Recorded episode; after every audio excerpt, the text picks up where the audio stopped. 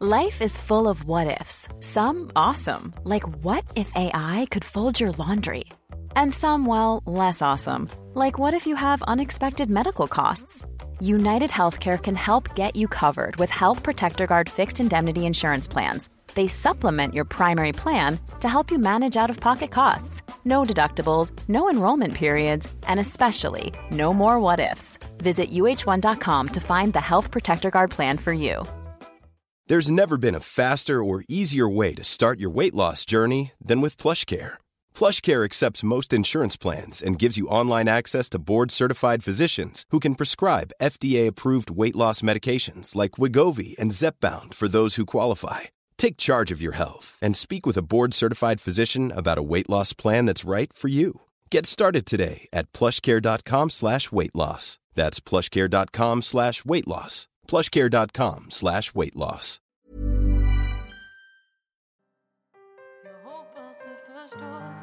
Hej och välkomna till Brottsofferpodden. Mitt namn är Joakim Lindén Kastenbäck.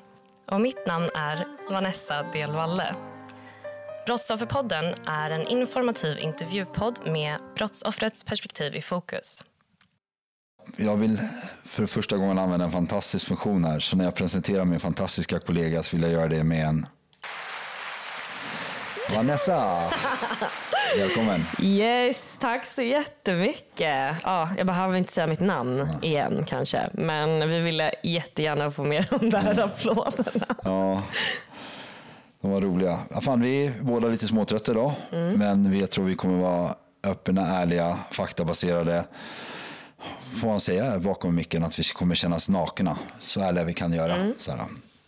Och, eh, så jag ser fram emot det här. Vi ska prata om framförallt ett ämne som jag brinner mycket om. Jag pratar ju självklart inte säga, men om förlåtelse. Så, att, så det är jag jättetacksam att eh, vi ska prata om här. Och vad mer ska vi prata om? Vi ska även prata om det kommande temat som är eh, sexualbrott mot barn. Yes. Ska vi börja med förlåtelse? För du sa det så himla fint. Jä- Jättegärna för mig. Ja. Jättegärna för mig. Så men jag kan ju börja med att berätta. Så här, nu kanske jag inte minns när jag satt för något år sedan eller för ett par år sedan och eh, skissade för de här eh, frågorna som jag ständigt skulle ha med i, i podden. Så här, för då var idén med det hela var kanske lite annorlunda då.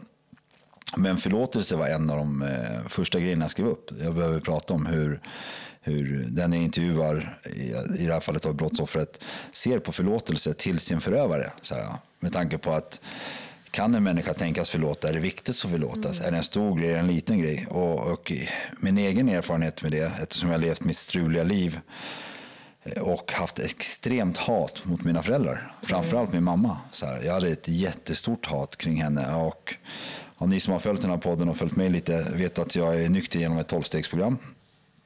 Och ett av de här stegen handlar om att eh, man ska gottgöra. Så här, det sig att man ska be om förlåtelse, men jag tycker det är bättre att man ska försöka gottgöra. Man ska försöka ställa, eh, ställa till rätta det man har gjort fel. Liksom. Men det är omöjligt ibland att inte få med förlåtelse i, det, i den meningen. Så när jag kom till min mamma, eh, när jag såg henne så kände jag ganska mycket så här, typ förakt. Så här, jag hade kommit mycket längre så jag kände inte samma hat som jag gjorde, men jag kände ändå förakt. Liksom, För att hon hade typ gjort mot mig och mina syskon. Så här, och, eh, och jag började med att eh, säga vad jag hade gjort för fel. Och sen på slutet sa jag att jag eh, förlåter henne så här, för en massa saker. Vi kom in i ett ämne. Och det fina med det här att när jag var klar med den här eh, så kallade gottgörelsen var att den här föraktet slash eh, hatet som jag hade typ känt innan. Jag var fylld av kärlek till henne. Så här, jag kände där och då att jag blev, jag blev fri från saker, eller fri från en känsla som troligtvis var påhittad av min egen hjärna. Eh, som jag förväntade mig av mig själv att jag skulle känna. Så här, och sen den byttes ut mot kärlek. Så här, och därför så, är det- så är det för min del, så här, det är ju bara för mig liksom. Det har blivit en sån stor grej. Så här, att det, det är något fint liksom. Och jag tänker inte mycket på att man ska förlåta sin förövare. Eh, Men kanske förlåta sig själv för kanske allt hat man har känt eller allt, allt runt omkring. Liksom, sådär. Men jag skulle absolut inte döma någon eller tycka det var fel eller tycka det var konstigt att man inte förlåter. Eller inte vill ta ordet förlåtelse till det här brottet. Så det har jag fullast respekten för. Ja, alltså jag tror ju att eh, många av dina gäster som du har haft har väl lite så kanske uppfattat det som att det är det du tänker, att man ska förlåta sin förövare. Jag tycker det är jättefint hur du beskriver det, men jag tror att förlåtelse har mer att göra med kanske vilken definition man har. För att vi alla har ju olika definitioner tror jag på förlåtelse. Eh, jag har ju inte, jag har försökt hitta lite info kring förlåtelse men inte riktigt eh, lyckats hitta någonting. Mycket kring så här, ja men som du sa, tolvsteg, Svenska kyrkan, ehm, ja men lite så här um, typ bloggar och så. Men eh, inte så mycket forskning och det är ju för att det är liksom diffust begrepp. Jag vet inte riktigt vad min egen definition är av förlåtelse. Men jag tror att den är viktig. Oh, Gud, jag tycker det är så svårt att prata om förlåtelse för att just när det gäller liksom att typ förlåta sin förövare. Det är ju inte ofta en förövare kommer och säger ah, förlåt för att jag gjorde det här mot dig. Nej, det är jätteovanligt. I, I min värld, som mm. jag är mycket kring eh, de här så kallade tolvstegs, eh, mm. jag vill inte säga rörelserna, men det är väl en slags rörelse mm. i sig. Så, här, så, så det är väldigt vanligt. Mm. Därför det kanske blir för mig en, en ganska normal grej. Mm. Här, för jag springer fortfarande på massa möten, jag hjälper fortfarande mm. massa människor som försökte, försöker nyktra till och bli drogfria från, mm. ja, från sitt struliga liv. Liksom. Men jag förstår ju att ute i det vanliga samhället så är det ju ganska skevt om Inger ska komma till Bertil och typ, ska du inte förlåta den här killen som precis rånade dig på 5000? Mm. det, det... Ja, det är just det att så här, typ, ja men när det gäller eh, förlåtelse gentemot en själv. Där kan jag verkligen relatera att så här, eh, förlåta sig själv kan leda till att man släpper på hat, på eh, ilska och de här jobbiga känslorna. Ehm, men att förlåta sin förövare, det, har jag, det tycker jag är lite svårare för att jag, jag tycker att det krävs en ursäkt då. En genuin ursäkt. Och just det här som ni gör på 12 steg till exempel, ni gottgör. Alltså så här, ni går till personen ni har skadat och ber om ursäkt det, det är ju ja, ovanligt, så att säga. Men om man säger så här då, att om man har en person som har gjort en orätt mm. eh, och man inte har, har någon slags förlåtelse kring allting, vad det här innebär. Äger inte den här personen och händelsen fortfarande plats igen? Eh, jo, men det tror jag att det alltid kommer att göra. Faktiskt. Eh, detsamma gäller ju liksom vad din mamma har gjort mot dig. Jag vet inte vad hon har gjort mot dig, men säkert eh, mycket dumma saker. Eh, liksom, eh, med tanke på att du har haft känslor av förakt gentemot henne. Eh, och då tänker jag att det är ganska mycket som spelar in. En sak som spelar in det är ju att hon är din mamma. Mm. Och att du vill ha en fungerande relation med henne. Det är ju nummer ett. Varför ska jag förlåta min förövare om, vi inte, om jag inte ens vill ha en relation med den personen? Förstår du? Jag vill bara inte ha någonting med den att göra. Eh, då känner inte jag att så här, ja, förlåtelse är riktigt... Det, det, viktigaste för mig då är att jag jobbar på mig själv. Liksom. Att jag mår bra. Att jag förlåter den andra personen som inte ens vill bli förlåten känner inte jag är någonting jag behöver göra. Däremot så kan jag ju relatera till det här med din mamma vad det gäller typ till exempel min pappa. Eh, men, och det är ju tuffare för att då, då vill man ha en fungerande relation och det är någon som man älskar och vill ha med sig livet ut. Liksom. Och där tror jag att det är viktigt att om man ska, ha, man ska fortsätta ha en relation med den personen om jag och du bråkar till exempel så är det viktigt att du pratar och släpper det och går vidare. Eller om någon är otrogen, om man fortfarande vill ha en relation med den till exempel. Um, ja, men då måste man jobba på det och släppa det. Både den personen som har varit otrogen men framförallt den andra personen som kommer och vara förtvivlad och inte lita på den personen och, och så vidare och så vidare och så vidare. Men vill fortfarande ha en relation. Ja, då tror jag att det är viktigare. Jag håller ju verkligen med dig mm. just i de aspekterna. Liksom. Mm. Det gör jag verkligen. Och jag vet inte riktigt hur jag ska... Jag är inte här för kontra för fem öre. Det är jag inte. jo, för... men vi är här för att diskutera ja, ändå, lite grann. Jag, jag, jag, håller ju verkligen med. Så här, och jag tror att jag ser lite som att... För det första så vill jag vara en person som... Återigen så ser jag inte att någon annan inte vill vara det. Men som vill oavsett vad en människa har gjort så vill jag önska han väl eller hon väl. Mm. Så mm. Och, eh, för annars blir det på något, sätt, på något sätt att jag känner alltså harm eller förbittring. Mm. Och känner den där harmen eller förbittringen då, då äger den plats i mig. Jag vill bli fri. Så mm. Om det krävs att jag förlåter personen i fråga för att jag ska bli fri. Mm. Jag behöver inte själva ha förlåtelse för händelsen. Så men Ja, men då, jag, jag, vill göra mig fri. Det är inte meningen att en person ska göra fel mot mig, sen ska jag gå runt och må dåligt. Det är den här personen Exakt. som ska må dåligt, liksom, om det ska vara, finnas någon rättvisa i det hela. Mm. Men jag har jättemånga människor, jättemånga i mitt liv som har, utöver min mamma, som har gjort fel mot mig. Liksom. Och mm. Jag gick runt och var skitsned på de här människorna. Liksom. Mm. Tills jag kom till en punkt där jag faktiskt kunde se lite min egen del. eh, återigen, tolv steg man lär sig. Eh, och sen på något sätt kunde jag kanske förlåta mig själv för, för vissa saker. Så här, bli fri från min skam. Och sen förlåta personen kanske i mitt huvud. Jag behöver inte säga det till den, men jag förlåter den och då blir jag fri från min skuld. Och sen mm. blir jag lite friare från hela det där. Uh, så att, ja. och jag vill gå runt som en fri människa mm. i, inombords.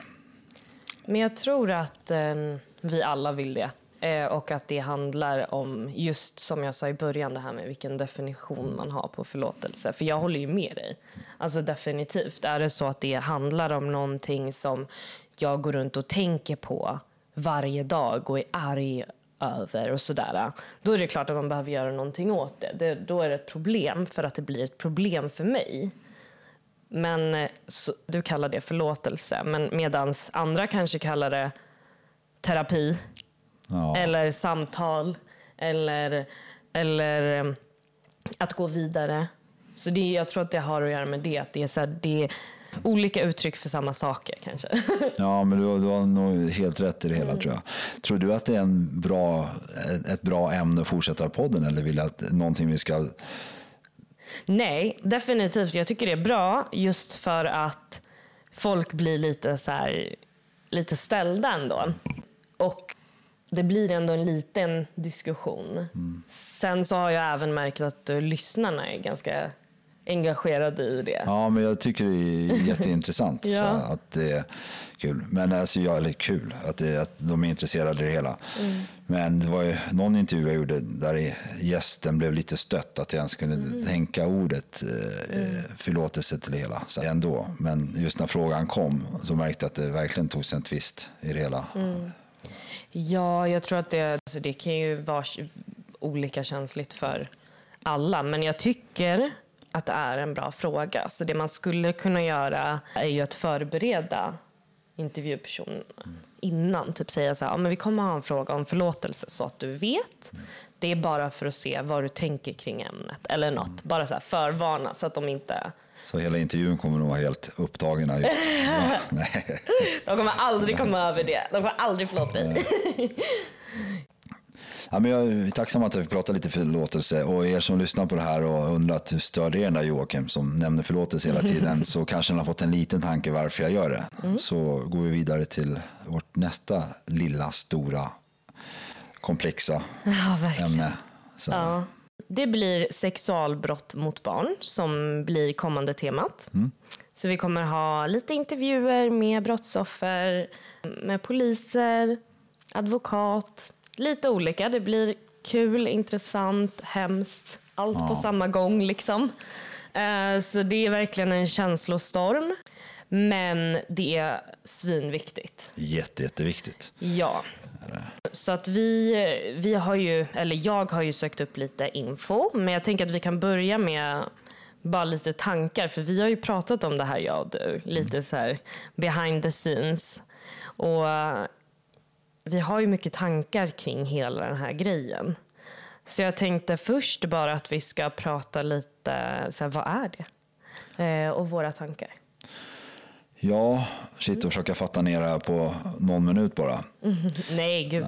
Ingen Men alltså just mina tankar, alltså det, alltså sexualbrott mot barn, man kan ju säga att det finns två olika, i- eller två olika, det finns ju massor, men just när det kommer till grooming så är det på nätet. Det är där det är typ Pandoras ask du öppnar och det är hur stort som helst.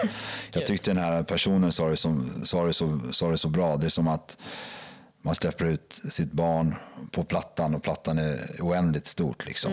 Och jag, vet, jag vet inte, ni som inte är från Stockholm, Plattan det är ett ställe som är ö, lite ökänt att många missbrukare samlas och kriminella människor samlas i Stockholm.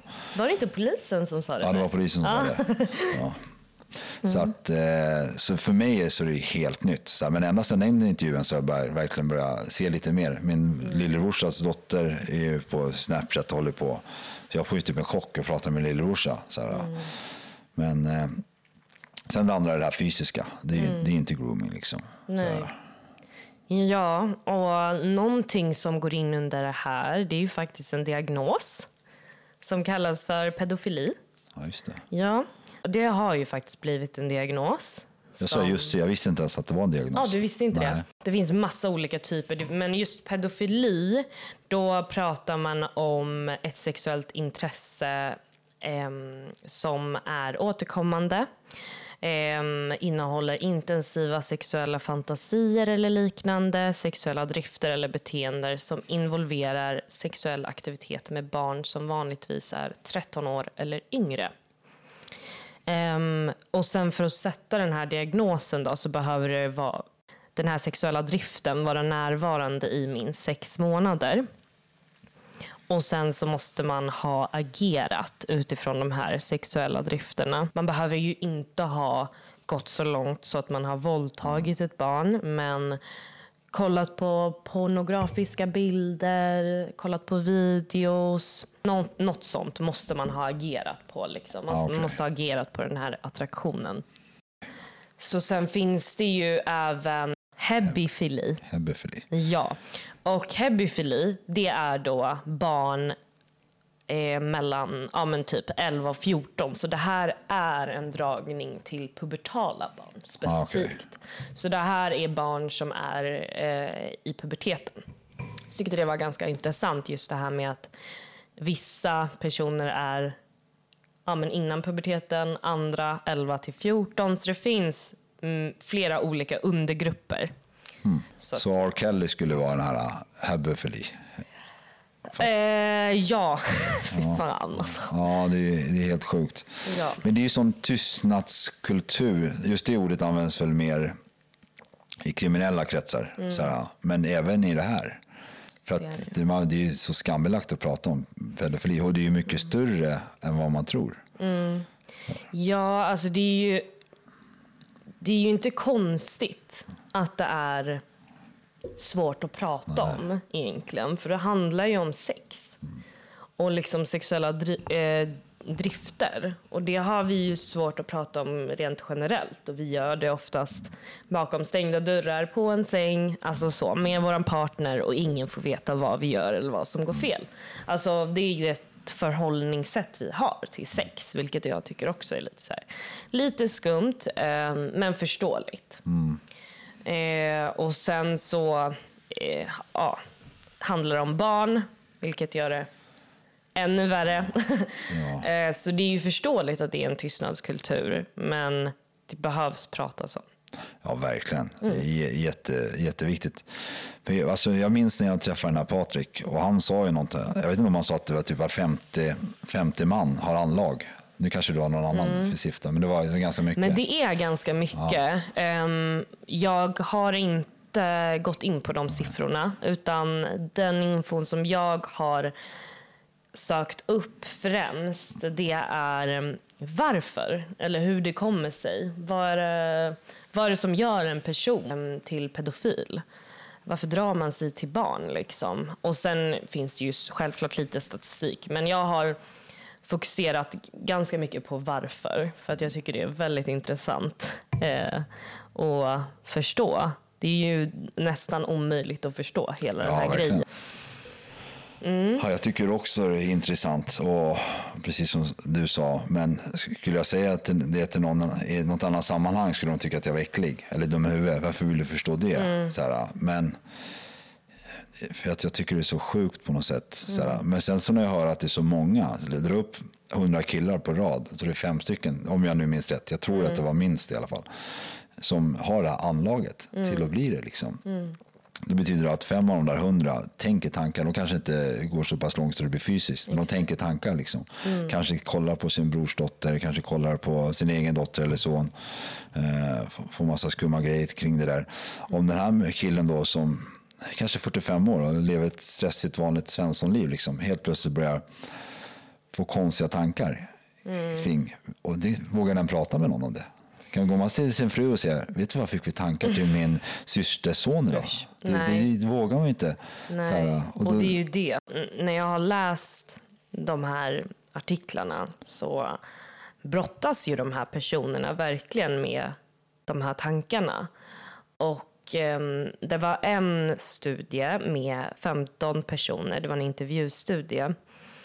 Och alla personer hade faktiskt eh, ganska grov psykisk ohälsa, liksom, eller haft. Mycket depressioner, mycket ångest, eh, men framförallt depressioner i perioder och eh, mycket ifrågasättande och tycker faktiskt att de själva är äckliga. Ehm, och den här studien visade också att det finns sätt att få de här personerna att hålla sig ifrån att utföra de här ja, drifterna, sexuella drifterna som de har eller utsätta barn och sådär genom att faktiskt prata om det. Så att jag tror att det är viktigt att vi faktiskt gör det utan att trampa på folk just för barnens skull.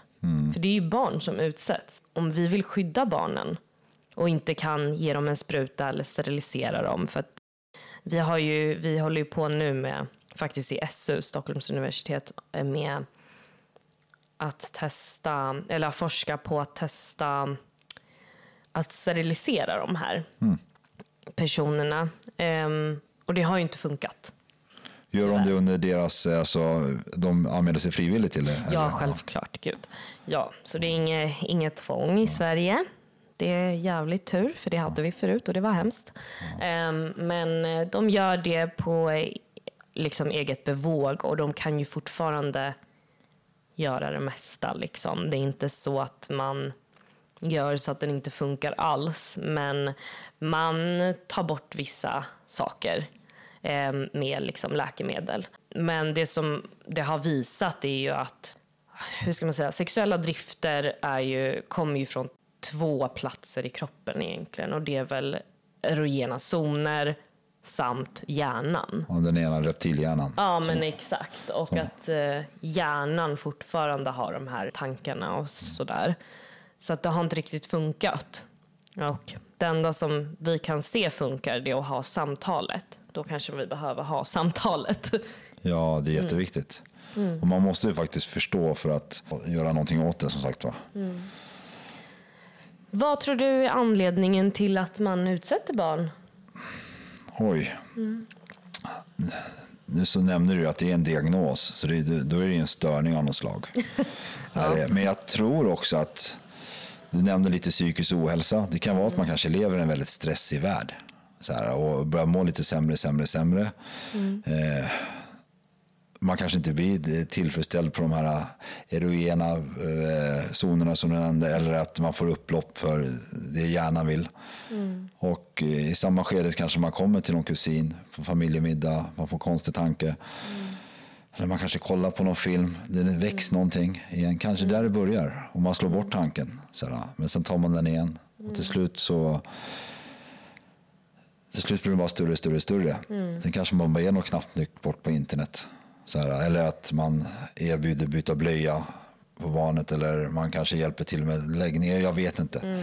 Så, men jag, det börjar säkert med någon så här, något smått liksom, där man, ens liv inte är i balans från första början. Det tror jag är den vanligaste. Jag, du kanske motsäger mig helt nu. Eh, nej, det, det, kommer jag inte göra. Um, alltså så här, det är mycket som spelar roll. Det går inte att säga att det bara är en sak. Men på en annan studie som jag kikade på, varav man eh, samlade 224 tidigare offer för sexualbrott, manliga offer. Det här är faktiskt en svensk studie från 2003.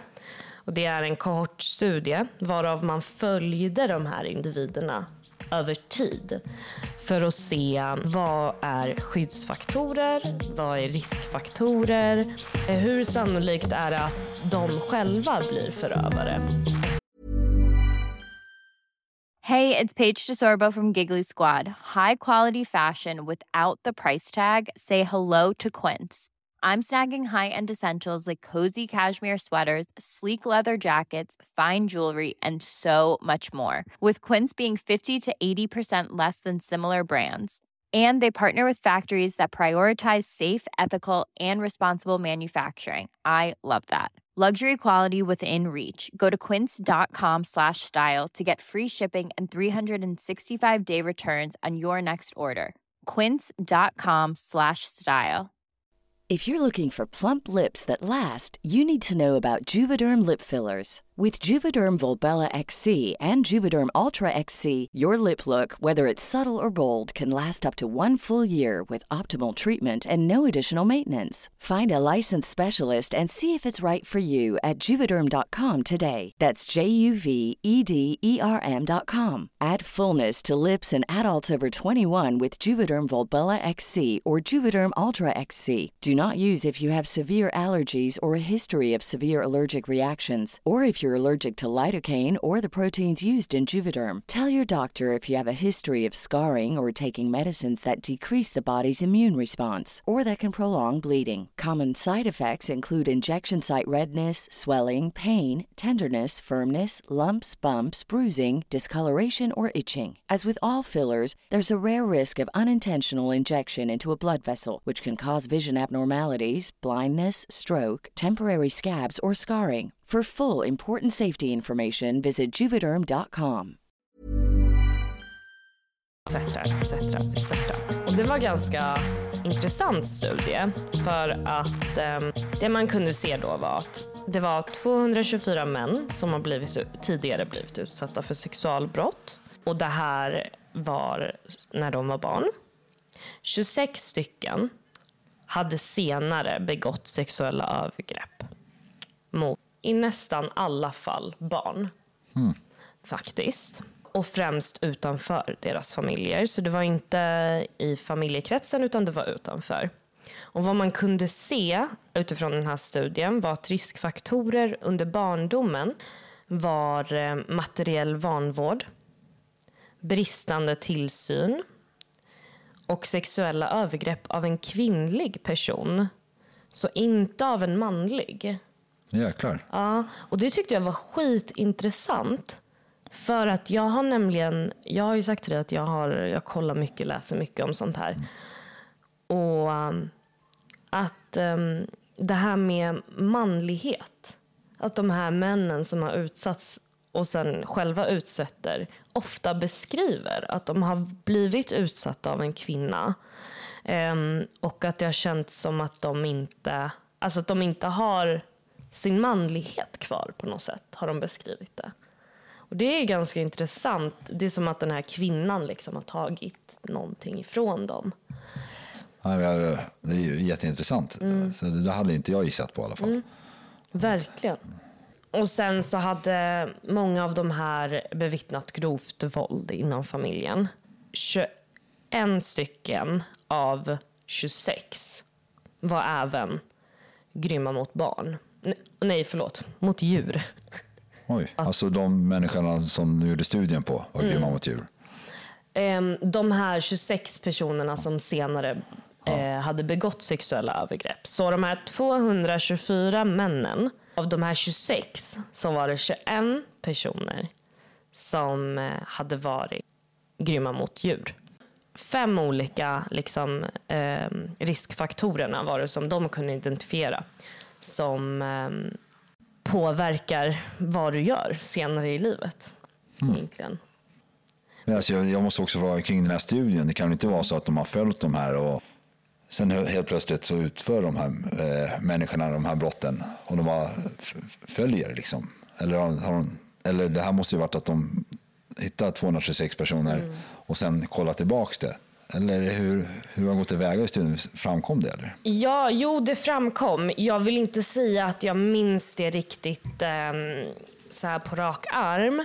Men jag vet att det de hade gjort var att de identifierade de här offren utifrån att de sökte offer. Liksom. Ja, okej. Men att det här med brotten och så vidare och så vidare, det var liksom flera år efter. Ja, okej. Så det är ju det, är det som är en kort studie, det är över tid. Det tar Ja. väldigt lång tid att göra de här studierna. Så att man börjar från, att- jag tror de började från att eh, de var 17 och fortsatte massa, massa år fram. Nu blir jag lite lugnare. Det hade varit sj- sjukt om de bara, nu ska den här personen gå fram till en ung liten tjej. Vi låter Nej, det ske och fy. se vad som händer. Fan. Eller en kille. Nej, det hade inte varit etiskt. Allt för forskningens... Ja, jag vill bara lägga till vad gäller den här studien. Så kunde de faktiskt inte identifiera en enda skyddsfaktor. Vilket innebär då att de där och då, 2003, för nu verkar det som att det finns, att man har identifierat vissa skyddsfaktorer som att prata om det eller vända sig till någon eller hitta någon som man har förtroende för. Um, men här kunde de inte hitta någon skyddsfaktor. Um, inte heller ett sammansatt uh, eh, skyddsindex eh, minskade risken för pedofilt beteende, tyvärr. Det man kan se det är ju att det var ju 224 offer varav 26 stycken senare begick sexuella övergrepp. Så det betyder ju inte att bara för att du själv har utsatts att du kommer att utsätta. Um, men man kunde inte hitta någon eh, skyddsfaktor, tyvärr. Hmm. Men troligtvis kan de det idag, som pratar som du sa. Ja, exakt. Så den här andra studien då från 2016 nämnde just det här med samtal. Att vända sig till någon redan tidigt. Och det de kunde se med intervjuerna med de här personerna som själva ansåg sig vara pedofiler. För det här var inte någon som de gick bara på någon dom eller någonting. Utan det här var personer som själva ville vara med och som ansåg sig själv som pedofiler. Då, och var diagnostiserade. Um, men där kunde man ju se att det var samtal, men också att när man kikade på hur den här sexuella preferensen hade liksom växt fram så kunde man se att de flesta hade en ganska normal liksom, sexuell utveckling under puberteten. De flesta började med så här, sexuella aktiviteter runt 12-årsåldern. Så det var ändå en ganska normal utveckling där. Men det de kunde se var att ganska tidigt, eller mycket tidigare än när de väl sökte hjälp, var de medvetna om att det var något fel. Och de flesta sökte ju hjälp för ja, men, deras psykiska hälsa och inte för att de blev liksom attraherade till barn. Utan det var just den här grejen med att de mådde väldigt dåligt. Och sen var det under samtalsterapin det kom fram. Exakt. Så att, eller vad menar du? Vänta, nej. Jag menar att hur, om de sökte för att de mådde, så här, att de hade typ psykisk ohälsa. Mm. Typ, jag, jag har många bra, jag känner mig deprimerad. Hur, kommer det, hur kommer de vidare till sen att de troligtvis lider av pedofili? Ja, då fattar jag. Nej, men eh, där får man ju... Är man på en psykiatrisk eh, enhet eller så så eh, har de ju förmodligen gjort en utredning med hjälp av DSM-5. Då. Stod det någonstans hur de började eh, för jag antar då den här terapeuten eller psykologen pratar med dem hur de börjar komma på den här linjen när de ser att de lider av det här. Liksom, att de här, de här de gjorde studierna på vart började de för, för dem där de började inse att jag har ett osunt beteende till, kring Mm. någonting? Är det att de började googla eller kolla på ett barn? Eller? Ja, som sagt, deras sexuella utveckling var till en början ganska normal.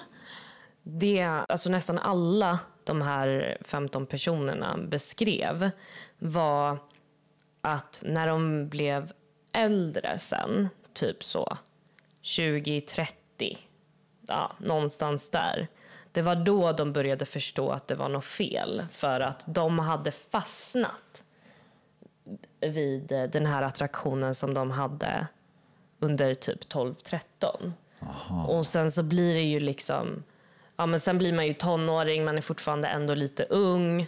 Du vet, man har lite foten i båda, i båda världar liksom. Men när de väl upplevde sig själva som vuxna, eller hur jag ska förklara, då, det var då de började förstå att ja, men det är något fel på mig för jag är kvar. Så eh, de började aldrig känna en attraktion för vuxna. Ah, utan de var alltid kvar där. Men de märkte problemet när de blev vuxna. Och det var i princip ja, men alla ehm, som var med i studien berättade om det här. Hade många i den här studien också, hade de en familj, en vanlig familjekonstellation? Ja, alltså till en början. Däremot så det man kunde se var ju att många av dem har haft destruktiva familjeliv. Eller ja, deras eh, livsvärldar har inte varit de bästa liksom, tyvärr inte. Många beskrev liksom ja, men vanvård. Ja, men en förälder som kanske inte var där liksom, eh, riktigt.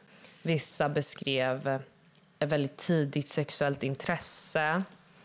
En av dem hade aldrig haft en sexuell relation med någon. Medan vissa had, var väldigt sexuellt aktiva. Så det, det man kunde se eller identifiera i den här studien var väl att det fanns liksom två extremer alltid. Det var ingen riktigt så här mittemellan utan antingen så hade man inte sex alls eller sexuella relationer alls eller så hade man väldigt mycket sex med både män, kvinnor eh, och sådär. Så att när jag läser studien så tolkar jag det som att många hade en destruktiv relation till sex rent generellt redan eh, väldigt tidigt. Okej. Mm. Hmm. Jäklar, du breddar mitt, min kunskap i det här. Det, gör det verkligen. Så här, och det är inte så svart och vitt som, som jag alltid har trott. Nu har jag, jag har gjort någon intervju om det här innan och jag tycker att jag har blivit lite mer grå, men jag inser verkligen hur grått det är. Och hur sjukt komplext det är. Det måste vara jättesvårt att hitta någon lösning hur man ska kunna göra åt det. För det är ju inte bara hugga av nu tänkte jag, men alltså hugga av könsorganet. Det är ju inte lösningen liksom. Nej. Jag, jag, jag tror verkligen inte det. Så här, vad skulle hända om någon gjorde någonting med min son? Liksom? Skulle vara min tanke? Jag hoppas inte det är min tanke. Jag hoppas verkligen inte det. Jag hoppas att jag faktiskt kan till och med stå där och förlåta. Så här, det var det jag hoppas. Ja, men jag tycker att eh, det behöver man nog inte som förälder. Men jag tänker ändå att så här, som, som samhälle så behöver man ju ta tag i de här frågorna. Som individ, inte lika viktigt tror jag inte.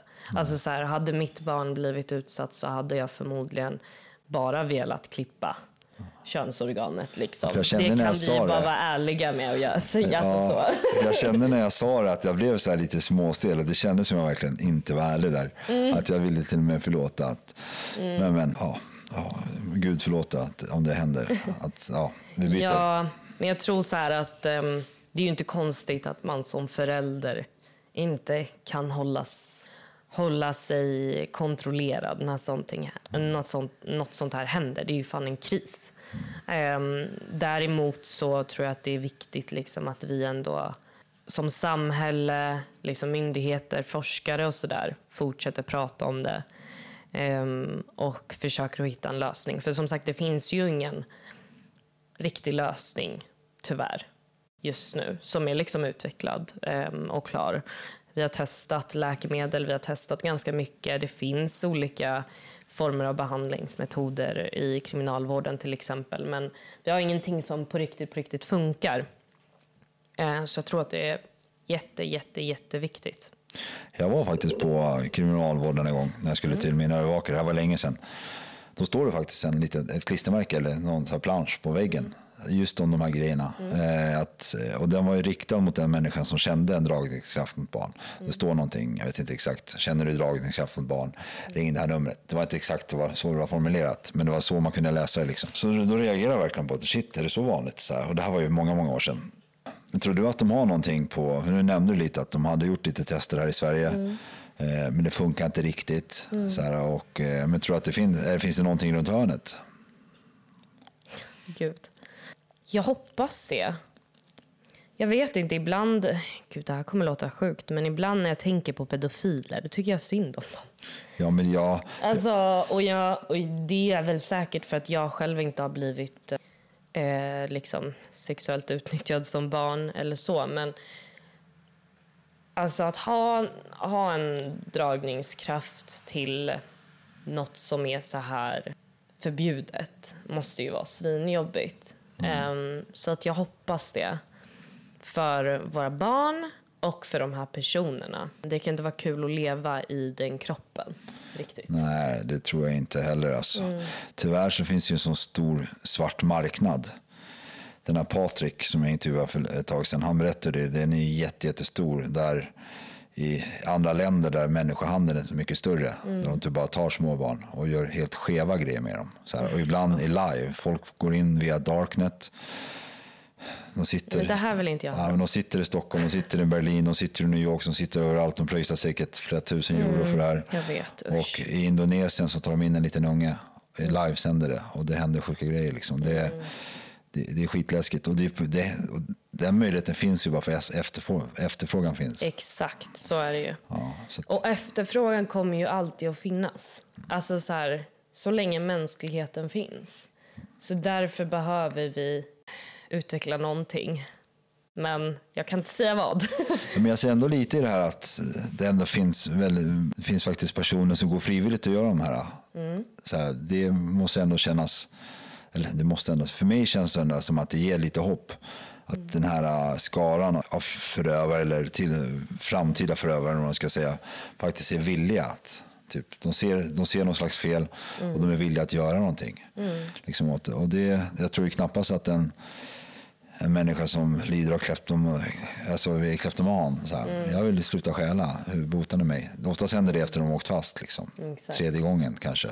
Ja, alltså jag tror skillnaden är att det är just det att alltså, sex är en stor del av livet, av att vara människa. Och att ha en sexuell dragningskraft till barn är ju så förbjudet som det kan bli. Men det är också någonting som du har i dig hela tiden. Förstår du? Är du kleptoman så jag tror inte att det förstör lika mycket för dig. Alltså för, för individen själv. Det är exakt som missbruk. Liksom. Vissa brukar förklara det som att här, man når en botten. Ehm, och jag vet inte, jag, själv vet jag inte vad jag tycker om det. Men, men just det här att man når en botten eh, vid missbruk. Det blir ju pedofil och få syn på att du är pedofil. Bara där är du ju redan i botten. Ja. Alltså förstår du? Då är det bara, det är över. Det är över. Alltså, det är så jag tänker om jag hade varit det. Liksom. Alltså, om jag hade haft såna känslor, jag hade bara tänkt det är över för mig. Det är över. Liksom. Ja, jag tror, jag Alltså- hoppas att det blir, nu, gud förlåt igen, att Mm. jag skulle få några sådana tankar.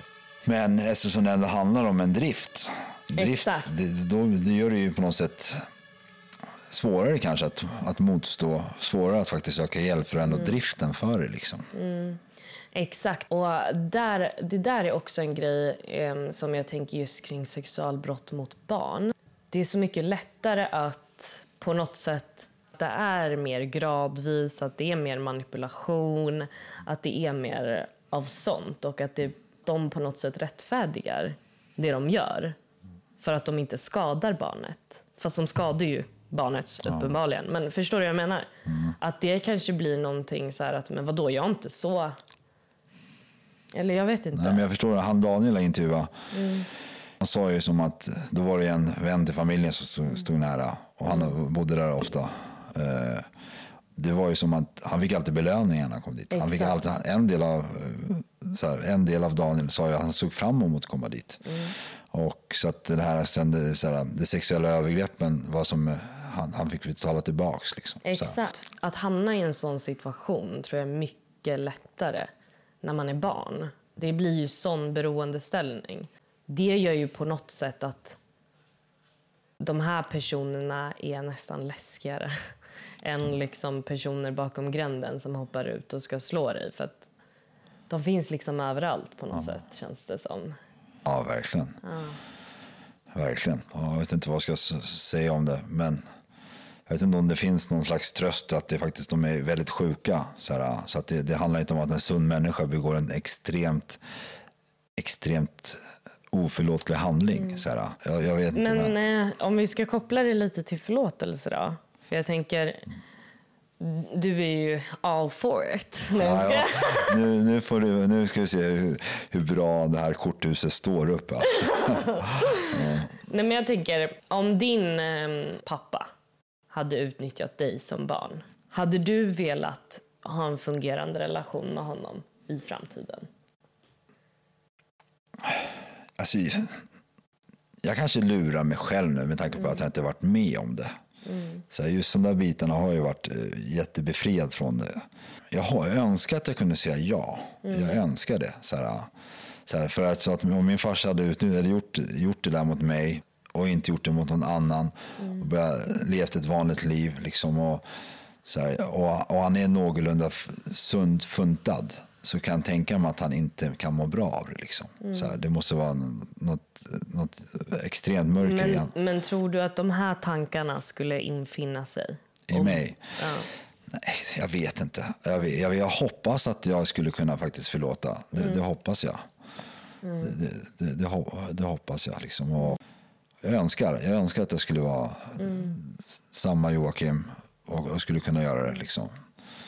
För att, eh, För jag känner ju lite så här att hade min pappa gjort det mot mig så hade ju inte jag velat ha en relation med honom överhuvudtaget, faktiskt. Och då känner inte jag att jag behöver förlåta honom. Förstår du? Medans nu har han ju inte gjort något sånt mot mig, aldrig. Ehm, men nu känner jag ju att ja, men, antingen förlåter jag honom och går vidare eller så klipper man. Så, så känner jag lite mer. att Så här. Och, och jag har ju valt att förlåta min pappa. Jag vill ha en fungerande relation med honom.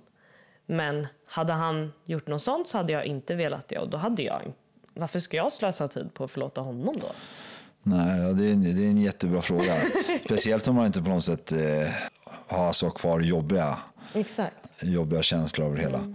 Jobbiga. Jag kanske hade velat förlåta för hans skull kanske. För, för, att, eh, för, för hans skull. Exakt. Ja, och det, det, det, det är ju mer rimligt. Att man vill förlåta för hans skull. Ehm, men eh, så hade inte jag känt. Nej, jag kanske inte hade känt så heller. Jag, mitt liv hade kanske blivit helt annorlunda. Liksom. Jag, är omöjligt att veta, men jag, jag önskar att jag hade kunnat förlåta för hans skull. Jag gör det. Så här, min farsa är fortfarande helt skev, i, i, så, av andra anledningar liksom, idag. Men det är min pappa och jag älskar honom. Så här, det gör jag verkligen, även fast vi inte har någon kontakt.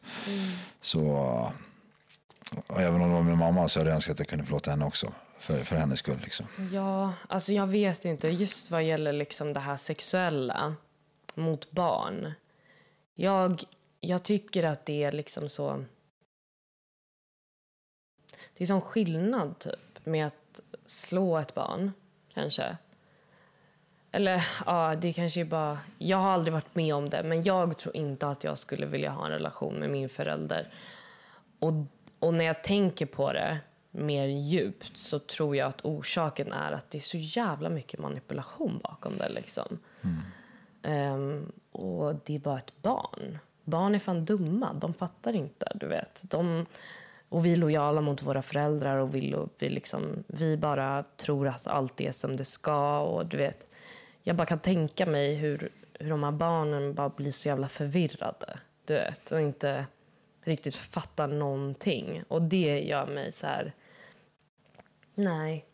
Alltså jag, jag håller i, en del av mig håller med dig jättemycket. Så här, och är det så att jag inte hade gjort det så hade jag tyckt det varit helt okej också. Så här, jag hade tyckt att jag var en sämre människa för det. Så här, eller tyckt att det var fel av mig att inte förlåta. Så här, men jag tror det är nog bara för att jag och min pappa inte har någon relation idag. Jag vet att han inte mår speciellt bra oavsett vad han säger och hur han beter sig. Så, så tänkte jag de här sista 10-15 åren så han har kvar så skulle jag lätt kunna förlåta honom faktiskt. För hans skull. Ja. Men det är väldigt intressant ändå när man börjar tänka just förlåtelse kopplat till det här. Liksom. Ja, och man börjar tänka så här, vad skulle jag göra? Vad hade jag känt? Alltså man börjar liksom tänka lite utifrån sig själv. Även om man själv inte har varit med om det så, så tycker jag att det blir intressant när man kopplar det till förlåtelse. För då, då blir det ju jävligt komplicerat sen. Ja, verkligen.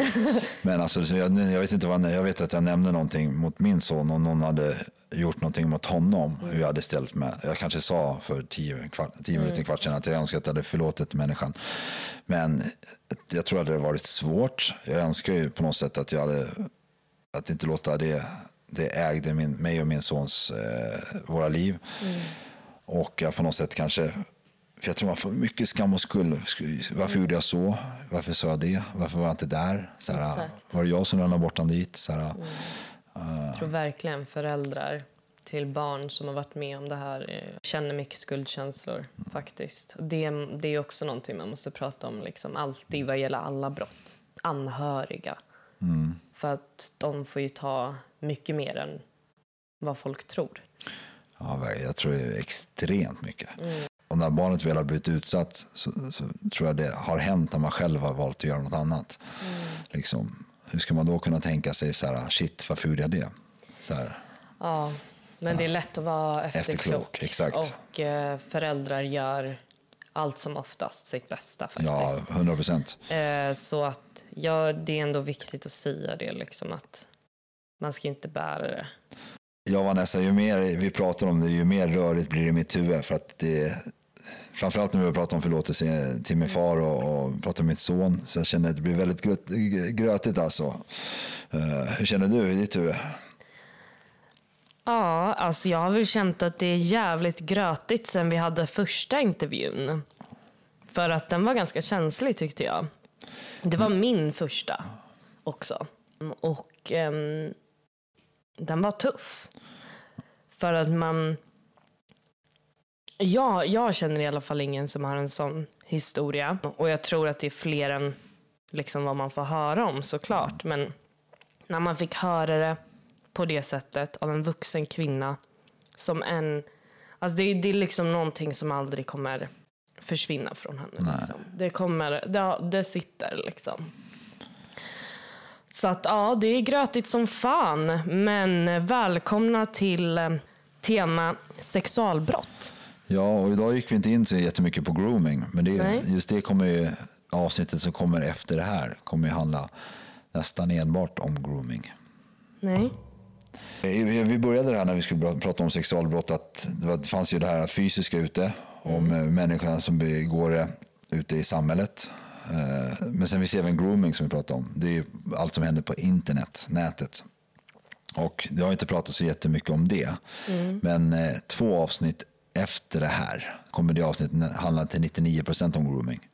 Kommer göra. Ja, vi kan väl säga 100 redan nu. 100%. Ehm, så det är två poliser från eh, groominggruppen Stockholm som vi har fått äran att intervjua. Men först ska vi lyssna på en, eh, en kille som heter Filip som är väldigt ung. Eh, som, jag ska inte berätta, ni får lyssna helt enkelt. Här, men det handlar om det här ämnet. Jävligt inspirerande Ja, verkligen. också. Alltså, så här, um, han pratar om det på ett väldigt positivt sätt och det gjorde mig glad. Ja, ibland Alltså, var, han, han hade styrka liksom. Han ägde det. ja, det gjorde han ju verkligen. Alltså, det var ju, ibland var det nästan svårt att intervjua honom för att jag typ, vi började skratta ihop. Jag pratade vet. ju sexualbrott mot barn och här sitter vi och skrattar. Så här, men det, det finns väl någon frihet i det. Så här, och det finns någon renhet i det också. Ja, men också så att man måste kunna skratta åt sin olycka ibland för att palla. Ja, Alltså helt ärligt. Och en annan grej som jag tycker är jävligt viktig. De här personerna har varit med om de här grejerna. Till exempel när man pratar med en person som, eh, ja, men som du till exempel, som har en familj med missbruk. För dig är det helt naturligt att prata om. Ja. För att du har levt det livet.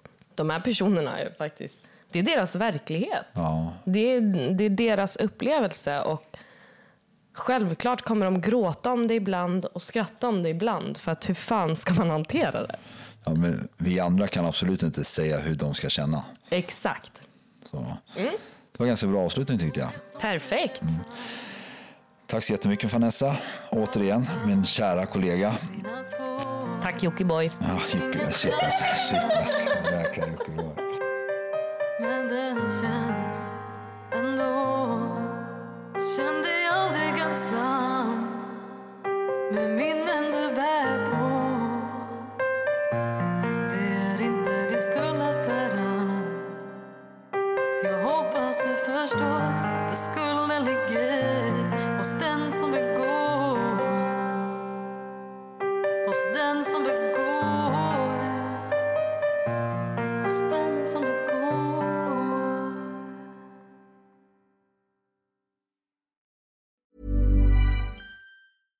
Hey, it's Paige DeSorbo from Giggly Squad. High quality fashion without the price tag. Say hello to Quince. I'm snagging high-end essentials like cozy cashmere sweaters, sleek leather jackets, fine jewelry, and so much more. With Quince being 50 to 80% less than similar brands.